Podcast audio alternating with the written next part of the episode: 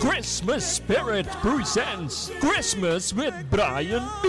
Vri- vrijdag 16 december, half acht avonds in Wieki Kerkie, Krommenhoek 136 in Amsterdam. Inloop half zeven. De tickets 35 euro. Meet and greet op aanvraag. Special guest Maureen Fernandes, Maureen Bengel, Ruben Anthony, John Oldenstam, Michael Omen, Hans Merks en Ingrid Simons. Brian sings Christmas en zijn nieuwe single Christmas with Brian B. en live band. Vrijdag 16 december, half acht in Wiegi Kerkie. Verkooppunten Vivant Gansenhoef, Ricardo's Eethuis, De Dravers, Smeltkroes en Marta Hyde. Voor informatie 06 206 953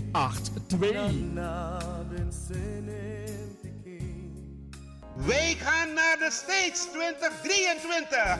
KIP Multiple Services Presents Suriname Dag. De New Orleans Trip Suriname Dag van 21 juli tot 31 juli 2023.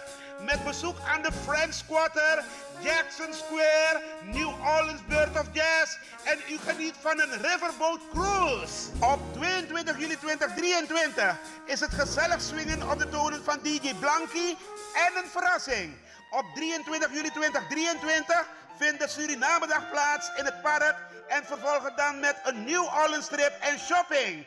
Voor meer informatie en reserveringen belt u of WhatsApp u naar Gilly Scheier op plus 31 628 540 922. Kenny van Miami plus 31 682 607 150 en USA 7864 876 140 of mail KIP Multiple Services at yahoo.com. Be there, it's gonna be exciting. Orga Kenny van Miami. De Leon, the power station in Amsterdam.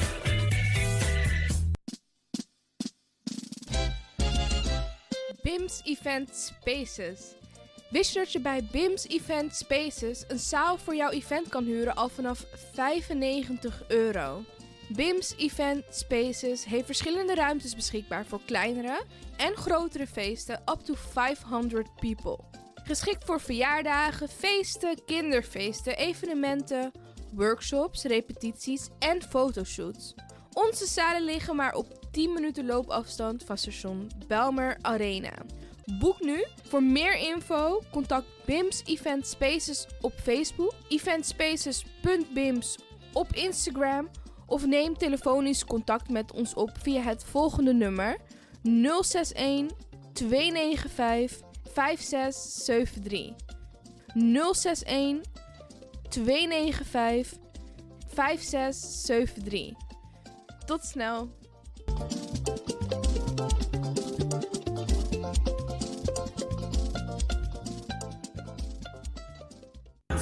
Heb je net zoveel zin in zingen als deze jonge dame? Dan ben je bij ons op het juiste adres. Twinkle Sound Budget Recording Studio helpt je op weg naar het podium. Als artiest is het leuk als je verder komt. Twinkle Sound Budget Recording Studio staat klaar voor jou. Stuur een sample waar je zingt naar twinklesound@gmail.com of app met 064 505 5305. Goed nieuws, speciaal voor diabetes. Dankzij de alternatieve behandelmethode tot 40% minder insuline nodig, vooral bij diabetes. De sopropocapsule, de bekende insulineachtige plant, in een capsulevorm. Deze sopropocapsule wordt gebruikt bij onder andere verhoogde bloedsuikerspiegelgehalte, cholesterol, bloeddruk en overgewicht. De sopropocapsule werkt bloedzuiverend en tegen gewrichtstoornissen. De voordelen van deze sopropocapsule zijn rijk aan vitamine, energie en het verhoogde weerstand tegen oogziektes, wat heel veel voorkomt bij diabetes. De sopropocapsule is gedoseerd en klaar voor gebruik. Het is vrij van chemische en kleurstoffen. Voor meer informatie informatie kunt u contact opnemen met Sarita Debi Dewari. Telefoonnummer 061 543 0703. 061 543 0703.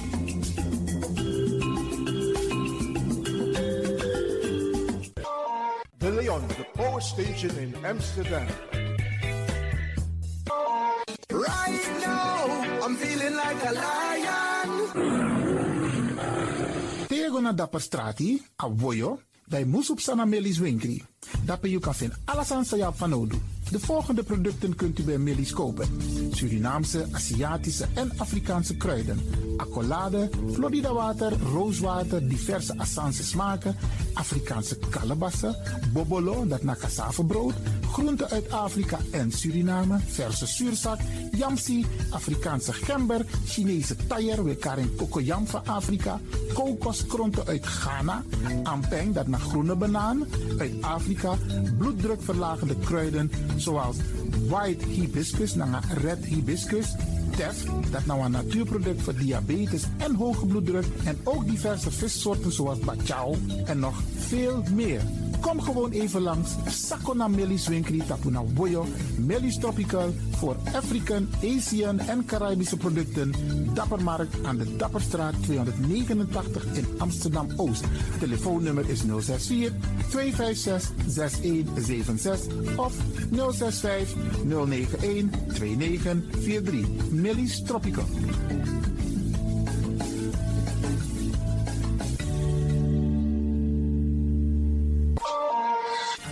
Is de Wouders van Amsterdam, Radio de Leon.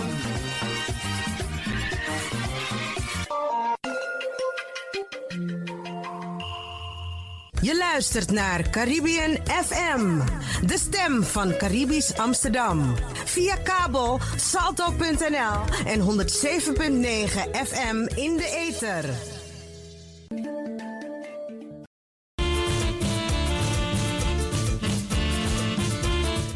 En beste luisteraars, u gelooft het niet. Ik heb in de studio een aantal dames die de kou hebben getrotseerd. Om toch aanwezig te zijn hier en we gaan met ze praten. En ik kan u beloven, um, de dames die ik hier in de studio heb, die hebben wel degelijk iets te vertellen. Ik ga ze even introduceren. Want ik praat met een aantal dames. En op zijn, tranga, uh, op, op zijn Sernatongo gezegd zijn het tranga sisas. Krachtige dames, krachtige zusters. En ik ga ze zelf veel aan het woord laten. Wat ik ook ga doen, ik ga ze vragen of ik ze mag tutoyeren. Ik gooi de microfoons open. En ik hoop dat ik allemaal hoor. Mag ik jullie tutoyeren? Ja, ja zeker. Uiteraard. No in koor, in koor. Oké. Okay. Oké, okay, en dan um, even, dan ga ik meteen de de eerste dame vragen om zich even voor te stellen. Is het geluid goed te horen? Ja, zeker. Ja. Oké, okay. de eerste dame. Vertel, wie ben jij? Um, ik ben Nancy Rijssel, uh, 52 jaar, woonachtig in Almere. Ik heb twee dochters van 23 en 18 jaar. Oké, okay, want eigenlijk um, willen de luisteraars weten... Um, waar kom je vandaan? Wie is je vader? Wie is je moeder? Uh, de, plant, de, naam van de plantage bijvoorbeeld. ja. Maar als je het niet weet, geen probleem. We kunnen het tijdens ja, de uitzending ja. opzoeken. Dus die informatie, wat zijn je talenten, je interesses? Mag je zelf bepalen of je wat over wil vertellen? Hmm. Je sport, welke beoefen je? En iets over je carrière. Oké. Okay. Dus dit geldt voor iedereen. Je bepaalt zelf wat je met de luisteraars wilt delen. Ja. Want ze willen altijd weten, wie zijn die dames die in de studio zijn? Oké, okay. nou dan ga ik wat uitgebreider. Uh, nou, ik ben in Suriname geboren. Paramaribo. Ik was twee toen ik naar Nederland kwam. Uh, mijn vader is Humphrey Rijssel. Kijk eens aan. okay. En mijn moeder is uh, Henriette Duurvoort. Um, nou ja, ik, ik, ben in Rotterdam, Vlaardingen opgegroeid. Um, heb veel meegemaakt. Um, ben zelf ook uh, dakloos geweest toen ik uh, twintig was. En uh, vanuit daar ben ik eigenlijk nou ja, door Nederland gegaan. Ik heb in Rotterdam gewoon, Utrecht, Amsterdam. Ik woon nu in Almere. Um, ik heb een stichting. En ja, ik, doe eigenlijk zoveel. Ik ben even een beetje zoekende. wat ik nou precies allemaal ga vertellen. Ehm, nou ja, in Almere heb ik een stichting, uh, Stichting Jou, Young Adult Life Coaching. Uh, ik heb gemerkt um, dat uh, toen mijn dochter heel ziek was, er eigenlijk geen hulp voor haar ehm, was. En nou ja, we eigenlijk ook niet goed werden geholpen door de medische wereld. Ik heb daarvoor 19 jaar bij een, een creditcardbedrijf gewerkt. En daar heb ik me eigenlijk zo opgebouwd als uh, proces- en projectmedewerker. Daardoor kon ik mijn dochter ook uh, wat beter helpen om, um, om de weg wijs te krijgen door de medische wereld. Want ze hadden best wel wat fouten gemaakt bij haar. En door wat zij heeft meegemaakt en ook een beetje, nou ja, een kleine hel wat ze heeft. Nou, uh, ja, wat, wat ze heeft ondervonden, heb ik gemerkt dat er uh, voor jongeren en jongvolwassenen eigenlijk heel weinig hulp is. Uh, weinig ondersteuning. Um, soms weet je het als ouder ook niet meer. Uh, je weet niet welke kant je op moet. Je bent zo afhankelijk van andere mensen. Uh, dat je daardoor eigenlijk altijd luistert wat een andere te vertellen heeft. Uh, ik ben niet zo'n volger. Ik, ik, ik, volg toch altijd. Of ik zie ook altijd van nee, dingen kunnen anders. Dat heb ik ook bij haar gedaan. Er zat ontsteking in de buik. Uh, we zijn er na zes jaar pas achter gekomen dat ze dus de ziekte van Crohn heeft. Uh, ze heeft twee operaties achter de rug. En, um, ja, en een stukje darm. Dus ze heeft best wel een uh, pittig leven achter de rug gehad. En um, daardoor zet ik me nu in voor jongeren en jongvolwassenen. Volwassenen, leeftijd 16, 27. Maar wat ik ook merk, is dat ouders tegen heel veel problemen aanlopen. Ze weten, soms weten ze niet goed hoe ze hun jongeren moeten ondersteunen. En um, nou ja, daar ondersteun en begeleid ik ze bij. Ik geef ook coaching. Uh, vanuit daar heb ik ook gemerkt dat uh, er eigenlijk heel veel kwetsbare vrouwen zijn. Um, vrouwen die zich niet gehoord voelen. Uh, soms hun vlam gedoofd zijn. Um, maar daar gaan we het straks uitgebreid over ja, hebben. Hè? Klopt. En nu weten de mensen heel veel over je. Dat je papa Humphrey Reisel is. Ja. En dat je een geweldige dochter hebt die je hebt ondersteund tijdens vervelende, moeilijke uh, uh, uh, tijden, zeg maar. Ja, Geweldig. Ja. Ik vind het hartstikke fijn dat je dit hebt willen delen ja. met ons. Ja. Oké, okay, we gaan zo meteen praten over waarvoor jullie ja. precies zijn. Je hebt al een, een voorschot genomen. Oké, okay, ik ga naar mijn, mijn, mijn, volgende gast. En dat is... Oh, Carola Versilda, hallo. Carola, vertel, wat wil jij met de luisteraars delen over jezelf? Uh, uh, nou, ik ben 42 jaar, uh, vrijgezel. Uh, kort geleden, zo'n zeven jaar geleden ongeveer, ben ik uh, vanuit België teruggekomen naar Almere. Ik ben in Amsterdam geboren en in Almere opgegroeid. Mijn vader is Cor Emil Vasilda en mijn moeder is Klasina de Briek. Is papa is Cor jouw papa? Dat is mijn Goh, papa, ja. En dan die Mati toe, Hey. Oké. Okay. Ik hoor vaker, hé, hey, die kennen we. Ja, ja Nami Matti, man. Oké, okay, ga door, ga door. Leuk, leuk, Mijn leuk. ook. leuk. Nee, dat is mijn, uh, mijn papa. Ik heb een uh, witte mama en een, uh, een zwarte papa. Oké. Okay. Dus, en je carrière? Ik ben nu ervaringsdeskundige en ondersteuner bij Stichting Jalk en ook Almere. En bij Stichting Jalk ondersteun ik de jongeren en ook graag, het zou fijn zijn als ik ook de moeders kan steunen. Want ja, ik weet hoe zwaar het tegenwoordig in deze tijd is om als vrouw zijnde helemaal alleen met kinderen door te brengen. Waarom? Omdat ik, ja, ik heb natuurlijk mijn eigen mama meegemaakt, die het ook met vijf kinderen alleen moest doen. Wow. En uh, ze heeft me heel veel geleerd. En ik ben eigenlijk net zo sterk geworden als mijn moeder. En nou, sowieso ben ik hartstikke trots op mijn moeder, wat ze gedaan heeft allemaal. En ook trots op mijn vader, wat hij allemaal voor elkaar heeft gekregen. Want soms als ik mijn halfbroertjes en halfzusjes spreek, dan ja, zijn ook allemaal hun mattie. Dus wat dat betreft, okay. ja, het is een, een super goede man. Niks mis mee. Dus ja. Mooi man. Ja, en uh, verder. Het lag eigenlijk niet aan mijn familie dat het allemaal fout ging in mijn leven. Gewoon verkeerde keuzes gemaakt. En ik heb nou de goede mensen eindelijk in mijn leven gekregen die mij ondersteunen waar ik dat nodig heb. Uh, die mij advies geven waar ik dat nodig heb. Nancy is een soort van aangenomen oudere zus van mij geworden. Uh, en ja, ik hoef maar een probleempje voor te leggen en ze staat daar voor me. En dat is ja, wat ik eigenlijk ook echt nodig heb in het leven. En daar ben ik heel blij mee, nog steeds. Mooi man. Leuk. En dan gaan we naar onze derde... We hebben meer studiogasten hoor, maar niet allemaal komen aan het woord op dit, op dit moment. We gaan even naar onze derde studiogast. En wie ben jij? Ik ben Priya Soekhaai. Ik ben 34 jaar. Ik woon in Amsterdam. Uh, samen met mijn man. Uh, ik ben uh, strafrechtadvocaat en slachtofferadvocaat. En ik ben de dochter van Gyan Soekhai en Susila Jang Bahadur Singh. Um, mijn liefde en passie eigenlijk voor de advocatuur is ontstaan door, ja, het klinkt heel gek, maar door de decembermoorden. Oh. Mijn uh, vader is ook, um, die was zo'n persoon van ik ga nooit naar Nederland, want Suriname is mijn land. Maar door de omstandigheden, politieke omstandigheden destijds, heeft hij de keuze gemaakt om naar Nederland te vluchten. Of hij moest eigenlijk vluchten. Um, en zodoende. En dan, uh, ja, dan krijg je als kind zijnde krijg je dingen mee over Suriname, over de politiek daar en over de decembermoorden. En ja, en, uh, een hele goede advocaat die eigenlijk uh, iedereen wel kent. tenminste onder de, de Surinamers. Dat is Gerard Spong. En nou ja, zodoende, dan krijg je een voorbeeld. Dan krijg je zo die informatie. En dan, dan ga je ja, je ermee bezighouden. Mensenrechten schendingen, dat sprak mij altijd aan. En nog steeds. En nu uh, heb ik mijn eigen kantoor. Dus ik ben zowel slachtoffer als strafrechtadvocaat. Ik help nabestaande slachtoffers, maar ook verdachten van een strafbaar feit. En ehm, dat is mijn passie. Geweldig. Ja. En uh, sport? Sport, ja, ik heb vroeger gesport. maar door mijn werk. Vroeger? Ik zeg, vroeger, ja, vroeger. nou, laat ik het zo zeggen: advocatuur is ook topsport.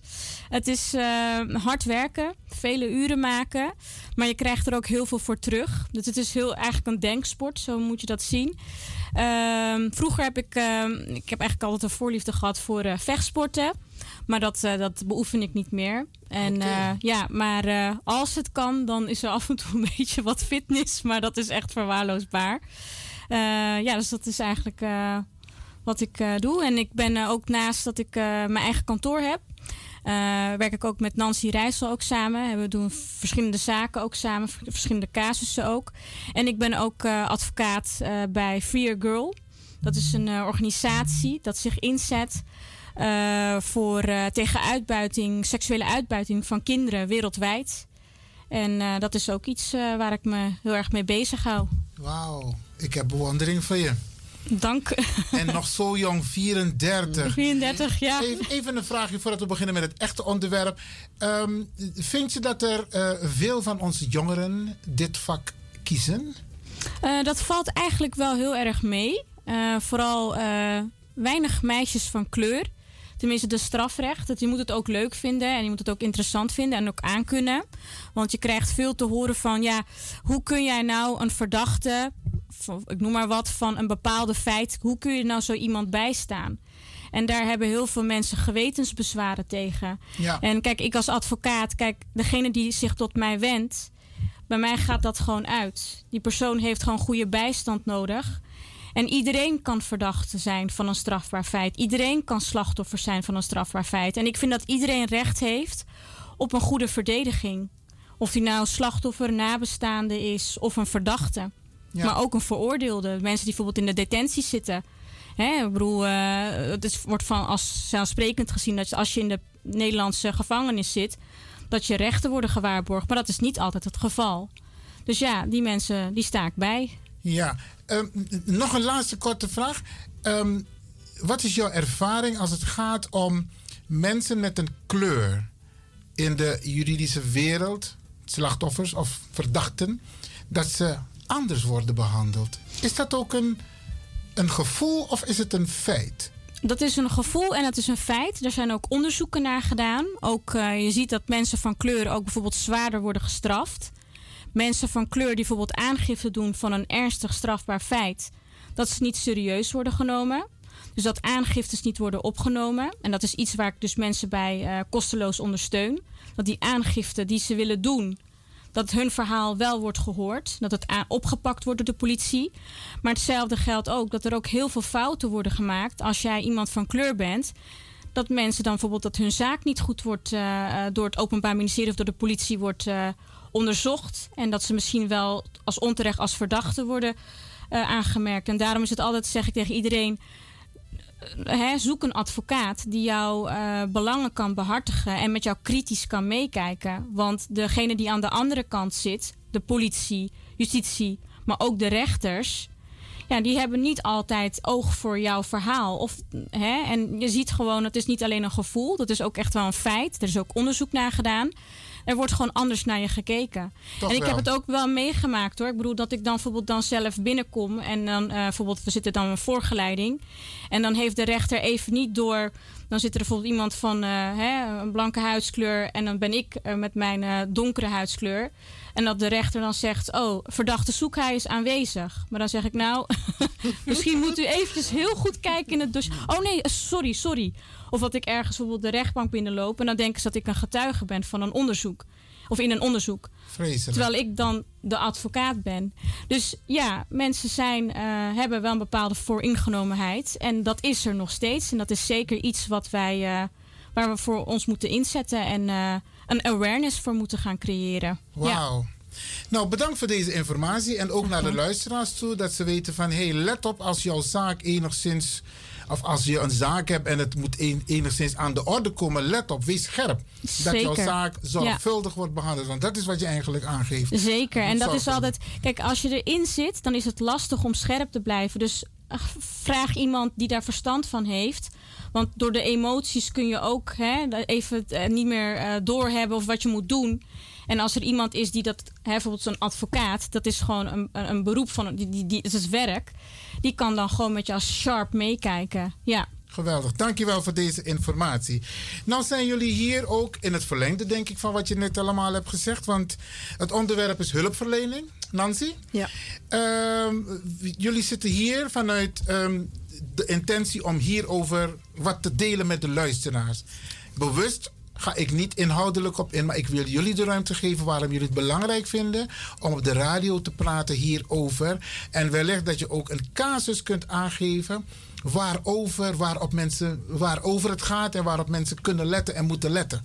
Ga je gang, Nancy. Ja, klopt. Um, nou ja, vanuit mijn stichting, Stichting Jalk. Um, heb ik een uh, project georganiseerd, heette Her Story, omdat ik merk, uh, vooral met één moeder, uh, haar dochter had zich aangemeld bij de stichting. En um, dochter, die was ongeveer 28, 29 jaar, Surinaams hoor. Um, zij was eigenlijk op zoek naar een, naar een plekje, omdat het thuis niet meer ging. en vanuit huis uh, bleek dus, uh, nadat ik haar een tijdje had begeleid, uh, bleek dus dat er ook sprake was van huiselijk geweld. Dus moeder of dochter tegen moeder was er aan de gang. Um, en zij wilde eigenlijk, uh, dochter wilde dat dat niet uh, naar voren kwam. Maar uh, ik ben toen een beetje door gaan vragen. En ik zag op een gegeven moment ook waar moeder tegenaan liep. dochter besloot op een gegeven moment geen contact meer met de stichting te hebben. Maar ik bleef moeder ondersteunen. Um, en, en uh, wat moeder meemaakt, ook met Veilig Thuis. Weet je, we zijn naar de organisaties geweest uh, waar je naartoe gaat om, uh, om de veiligheid te borgen voor, voor moeder.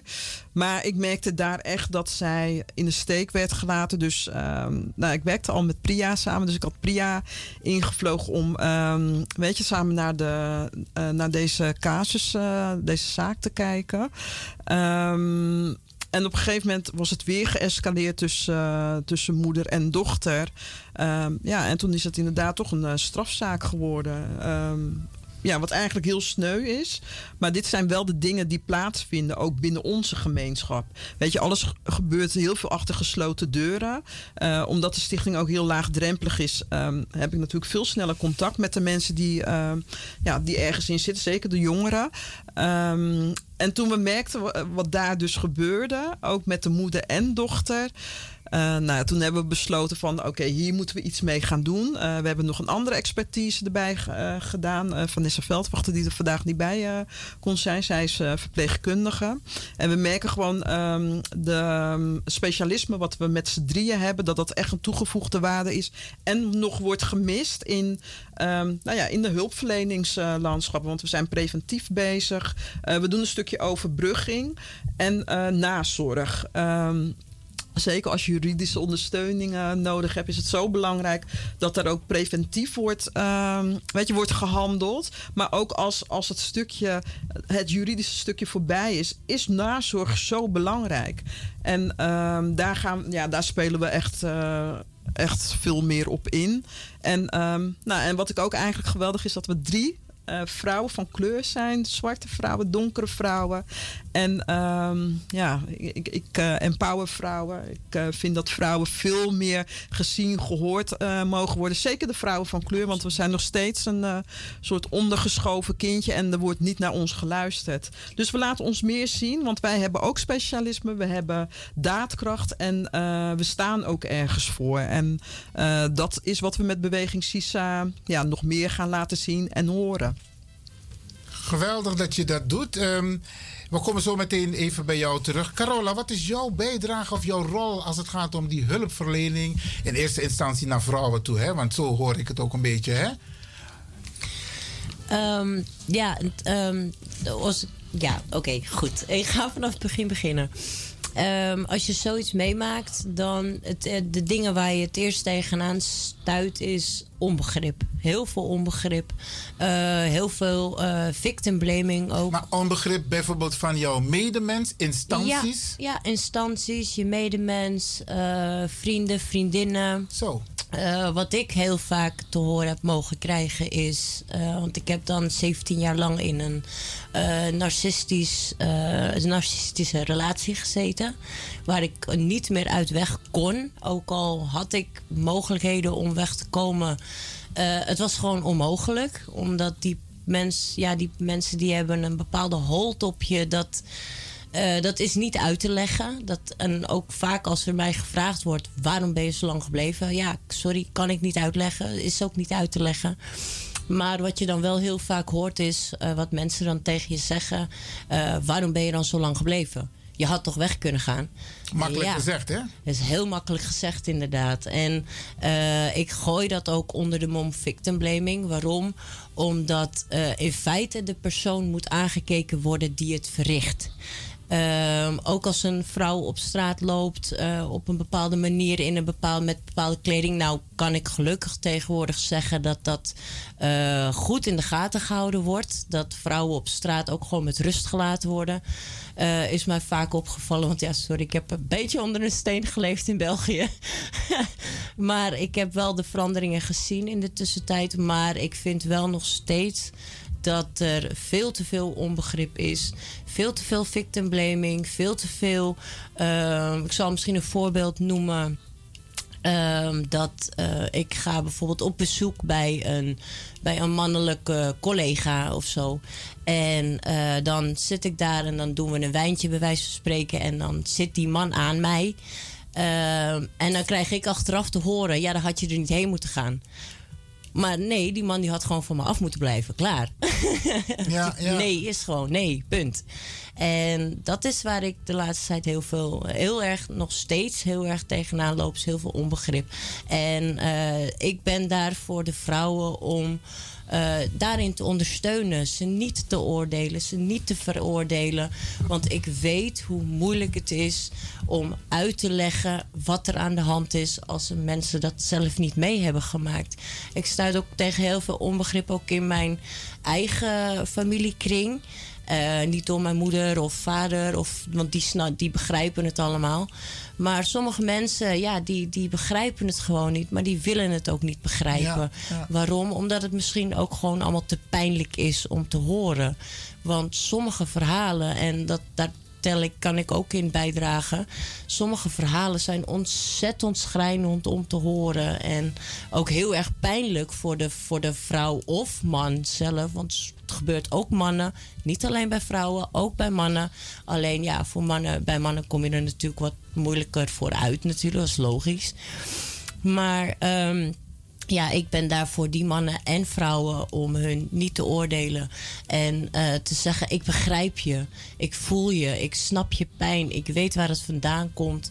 En um, um, doe alles uh, voor jezelf. Want dat is, sorry dat ik even van de op de tak ga. Geef niet. Ik heb, mijn moeder heeft mij, toen ik net terug uit België kwam en net uit de relatie kwam, heeft mijn moeder mij het advies gegeven om zoveel mogelijk eraan te doen om uh, de, de, de pijn, het verdriet, de, het alles uh, middels therapie, middels mensen, middels je vrienden, familie, om het zoveel mogelijk die issues bij jezelf weg te werken. Want uh, zo, zolang dat je dat die pijn en dat verdriet en die woede ook, die boosheid, want we zijn ook heel erg boos natuurlijk door het leed wat ons is aangedaan. En dan kan iedereen altijd wel zeggen: je moet positief blijven.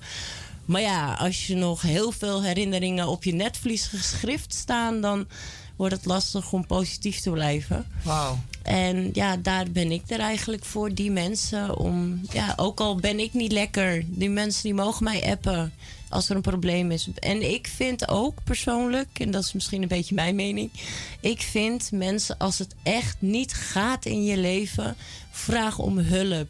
Je staat zo sterk als je durft om hulp te vragen. Soms zitten mensen in een zodanige isolatie dat ze dus ja, dat ze het niet, durven. ja. Ja, en, en, maar ook bang omdat ze inderdaad heel veel veroordeeld worden, beoordeeld en uh, uh, ja, uh, beschuldigd worden van dingen. En daarom durven mensen op een gegeven moment niet meer naar anderen toe te gaan om hulp te vragen. Waarom? Omdat ze bang zijn om veroordeeld te worden.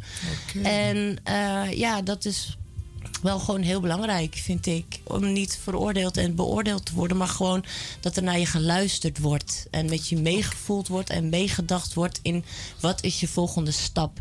En dat is wat ja, bij Stichting Sisa, eh, Stichting Jalk, uh, ja, eigenlijk gebeurt. En dat is wat tegenwoordig, vind ik, meer, uh, meer gedaan moet worden. Dankjewel voor jouw uh, open bijdrage.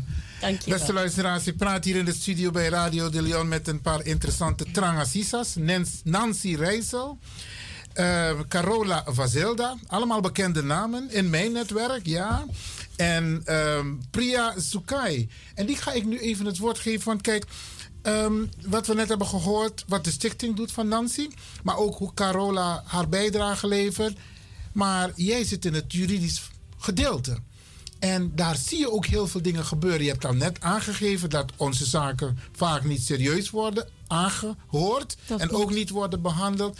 Maar wat is jouw aandeel als het gaat om de stichting en de wijze waarop jullie met z'n drieën dit soort zaken aanpakken? aanpakken schuldhulpverlening, schuldhulpverlening als het gaat om, in dit geval, zowel fysiek als uh, psychisch geweld. Ja, zeker. Dat is een hele goede vraag.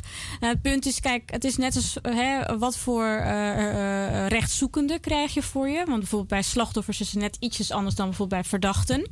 Maar als er bijvoorbeeld een slachtoffer bij ons zeg maar, zich aanmeldt, um, dan is het even kijken van, hè, heeft de persoon al aangifte gedaan? Nou, vaak durven mensen door vele omstandigheden geen aangifte te doen. Of hebben ze aangifte gedaan en wordt de aangifte door de politie niet in uh, behandeling genomen? Uh, en dat is ook, daar is ook recent ook onderzoek naar gedaan. Dat uh, heel veel aangiftes gewoon op de plank blijven liggen. maar wat heel veel mensen niet weten, is dat staat gewoon letterlijk in de wet. Een aangifte moet opgenomen worden door de politie. Dus de politie mag niet tegen jou als aangever of aangeefster zeggen: nee, uh, te weinig bewijs of nee, kansloze zaak. Nee, daar gaat de politie niet over. Of dat ze zeggen, we hebben op dit moment geen tijd. Dat kan dat dus ook, niet. Dat kan dus niet. als je naar het bureau gaat om aangifte te doen, dan zijn ze verplicht om het aan te nemen. Dat, Begrijp ik het goed? Ja, dat staat letterlijk in de wet. Ik zal ook even heel moeilijk maken. Artikel 163 wetboek van strafvordering staat het letterlijk in. De politie is verplicht om de aangifte op te nemen. Het is dan aan het Openbaar Ministerie om te gaan bekijken of ze de zaak gaan verder gaan onderzoeken. En het is dus niet zo dat men zegt, je kunt het via internet doen? Nee, nou ja, kijk, dat kan. Maar uh, het beste is, je kan ook naar het politiebureau langs gaan en daar, daar je aangifte laten opnemen. Het moet in ieder geval opgenomen worden. Dankjewel voor deze belangrijke tip. Ja, dus dat is heel belangrijk. En stel, uh, de aangifte wordt niet verder uh, in behandeling genomen, bijvoorbeeld de zaak wordt geseponeerd, dan is er nog een kans, nog een optie om toch die zaak in behandeling te laten nemen door middel van een artikel 12 procedure. Okay. Dus dan ga je je beklag doen tegen het niet vervolgen of onderzoeken van de zaak weten ook heel veel mensen niet. Nou, daar, dat klopt wat je zegt, want ja. mensen nemen daar genoegen mee. Ja, die denken dat zal wel, zal wel zo zijn. Hè? En uh, ik, bedoel, ik bedoel, als, ik, als we kijken van hoeveel cliënten bij mij komen en die zeggen van ja, ik ben bijvoorbeeld slachtoffer van een zedenfeit. Uh, dat de politie dan ook dat ze te horen krijgt: ja, dan had je maar niet inderdaad dit moeten doen. Had je maar die foto's niet moeten sturen. Ik heb laatst in een hele uh, grote zaak, het is een bekende, dat is eigenlijk een geschiedenisboek ingegaan. Dat was de grootste lugubere kinderpornozaak van Nederland. Het heet, de verdachte heet Mr. Dark. Um, en daar hebben heel veel meisjes die aangifte hebben gedaan. Daar werd er gewoon gezegd: ja, dan had je maar geen foto's moeten sturen. Maar goed, dat kun je niet verwachten van een elfjarig kind of van een uh, hè, minderjarige. Ja, ja. Want er zit een volwassen persoon aan de andere kant die chanteert, die afperst. En dat is dus dat wel iets. manipuleert, hè? Juist. En kijk, en zij worden ook bedreigd. Dus de, waardoor ze dus het ook niet durven te vertellen aan vader en moeder. En kijk, daarom is het wel belangrijk als advocaat zijnde dat je ook met die mensen, hè, met bijvoorbeeld slachtoffers, ouders, nabestaanden, want we kunnen ook uh, dat iemand bijvoorbeeld een cold case zaak, iemand is overleden, dat je gewoon daar heel strak in mee gaat kijken en niet zomaar genoegen neemt met het antwoord wat de politie jou geeft.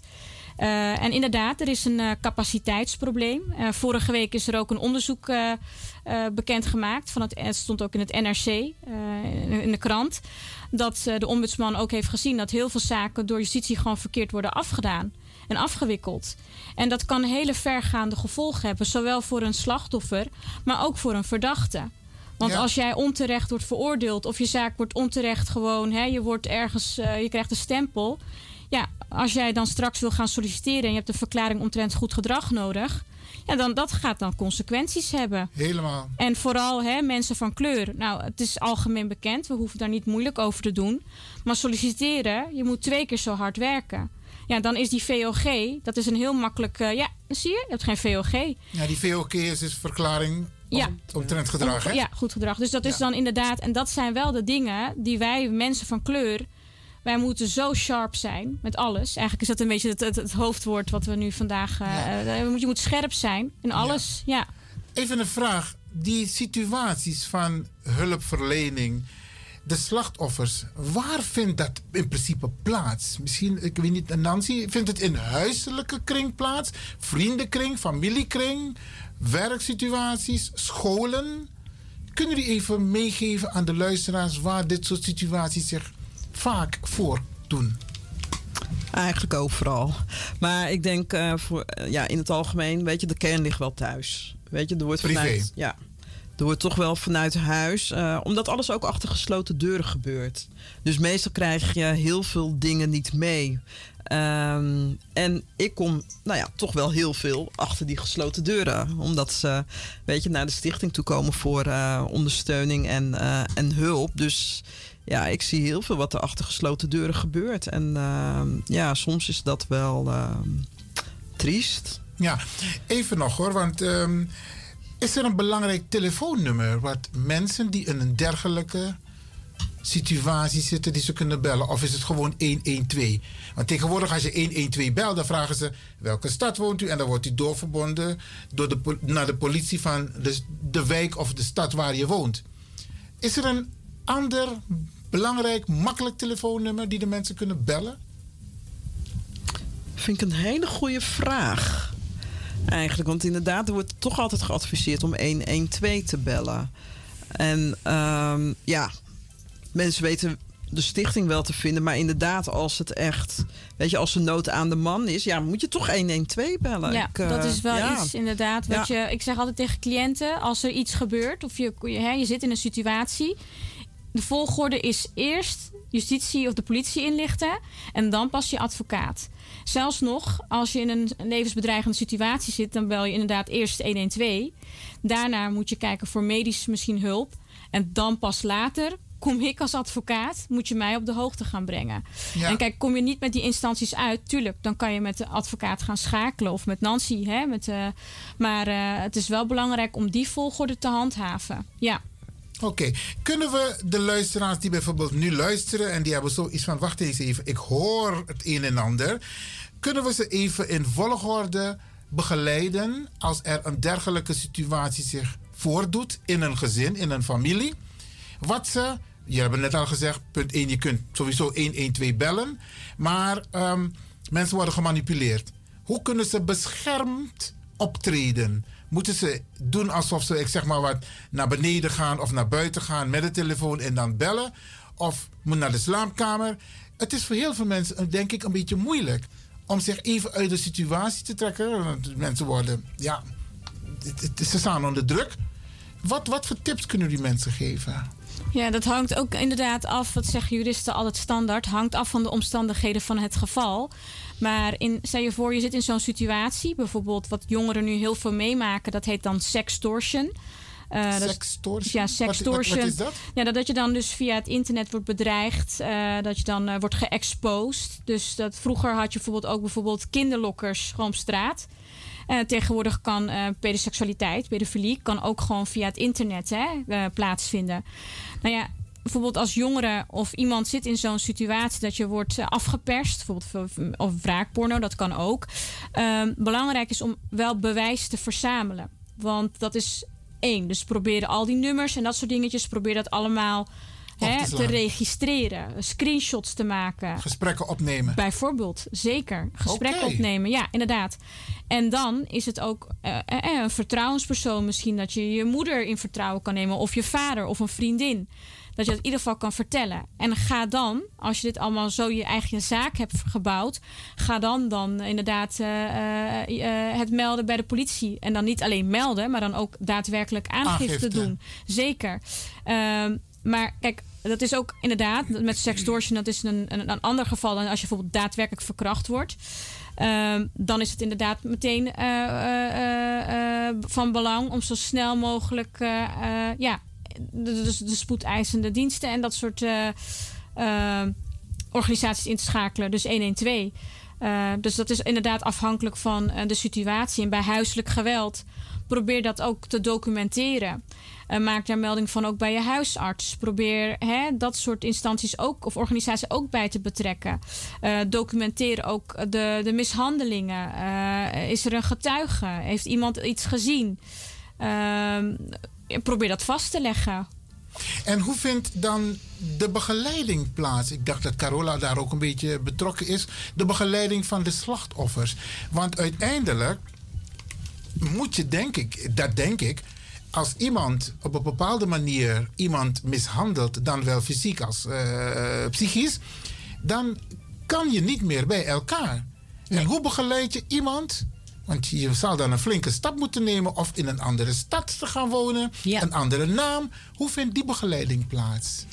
Ehm, nou, sowieso natuurlijk als iemand uh, weggaat, moet sowieso een onderdak hebben natuurlijk. Uh, spulletjes moeten meegenomen worden, de belangrijk papieren, paspoort, et cetera. Ehm, ik kan misschien even uit mijn eigen ervaring vertellen.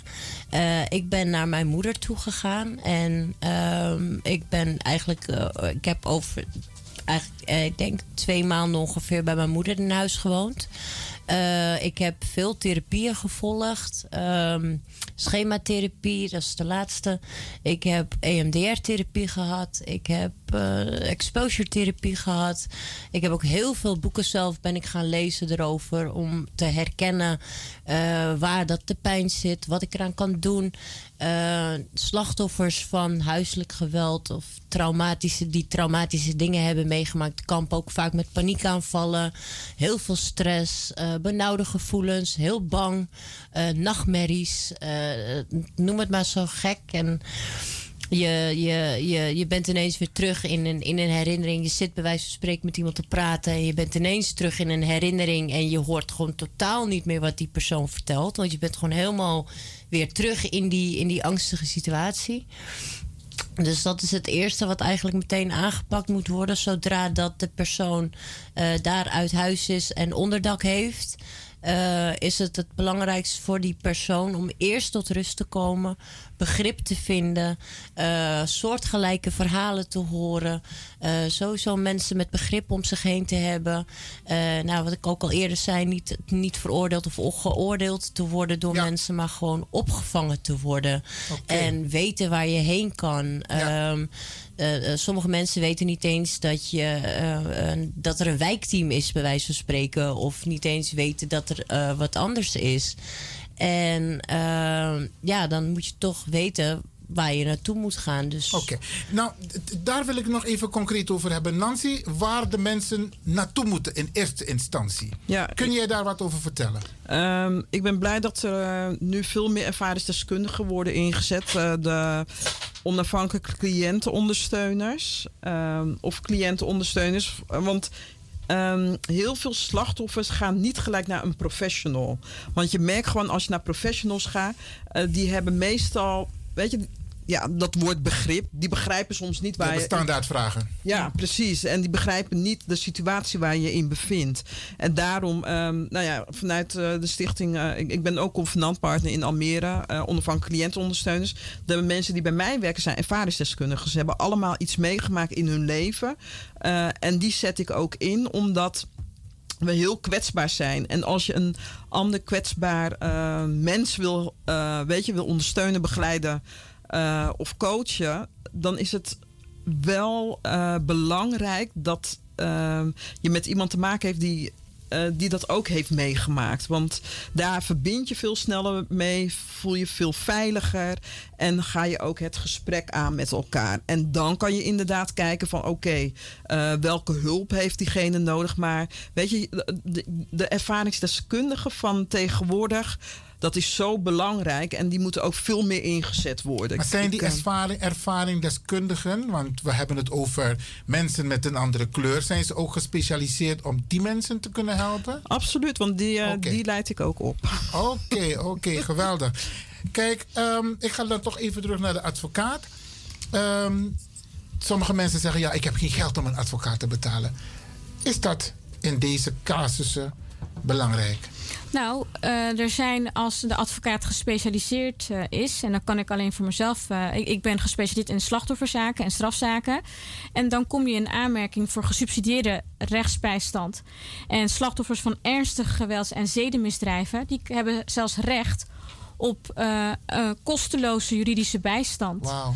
Dus dat betekent dat ze ook geen eigen bijdrage hoeven te betalen.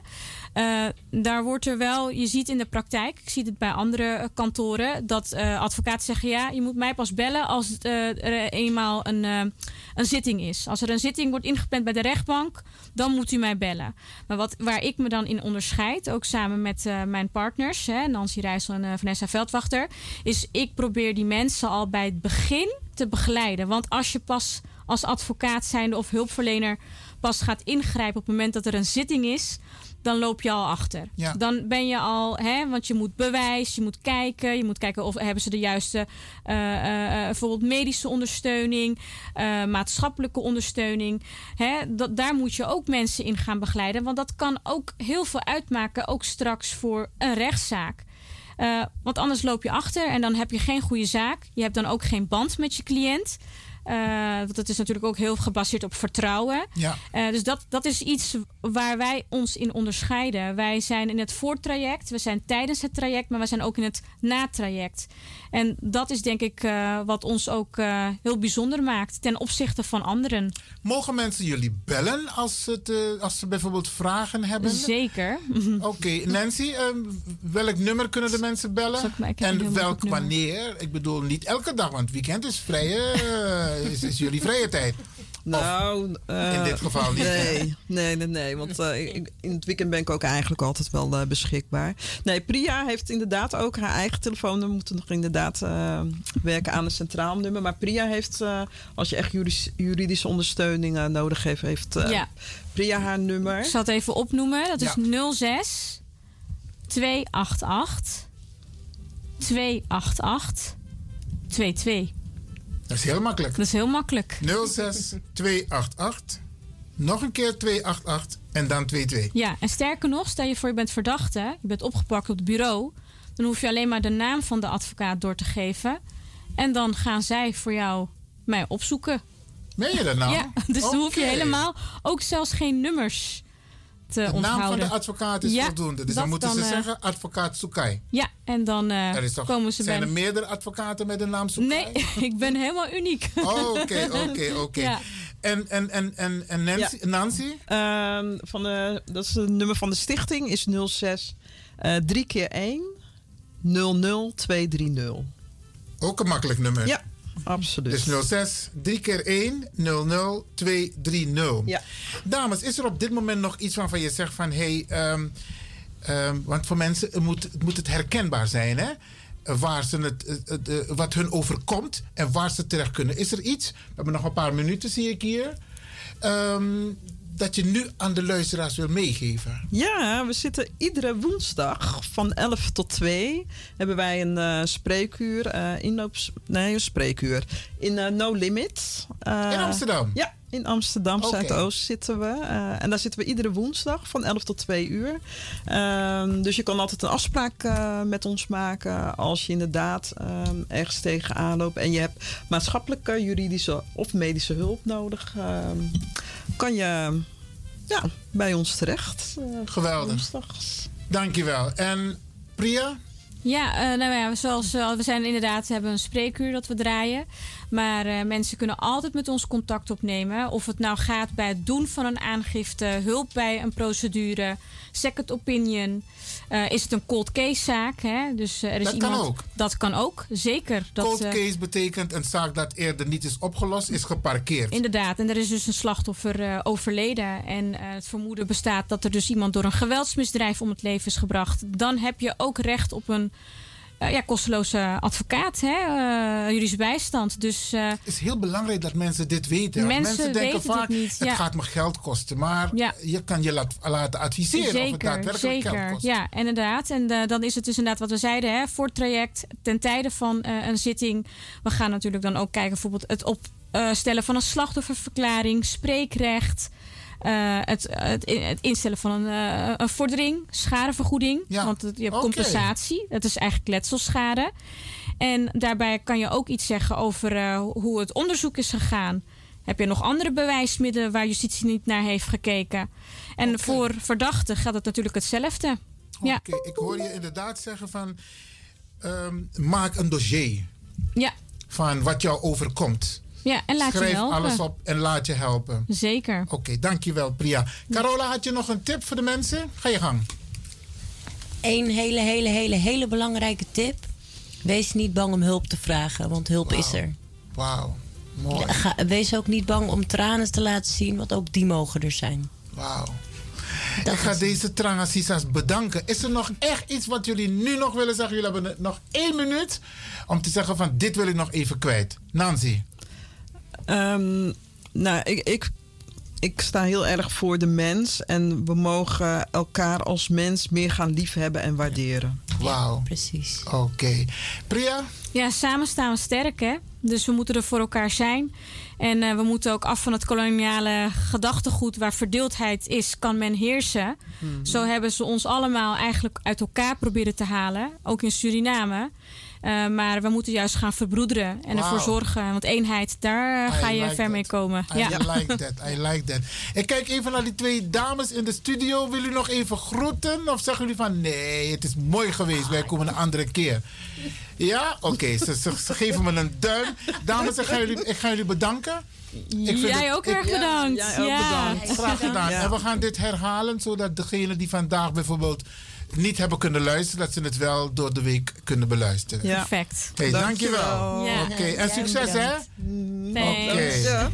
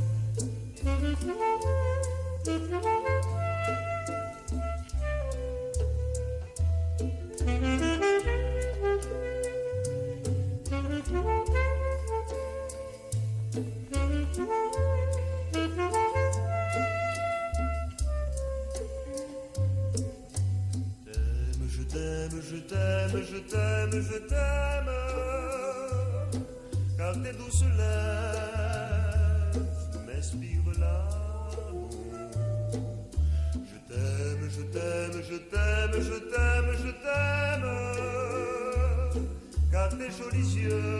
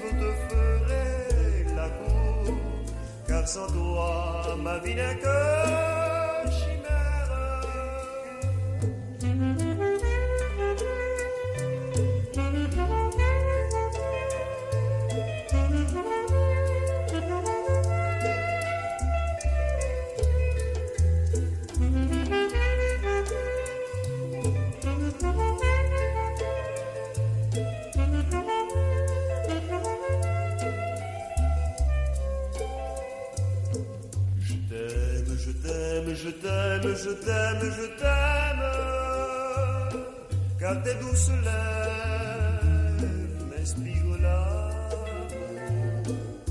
Je t'aime, je t'aime, je t'aime, je t'aime, je t'aime, car tes jolis yeux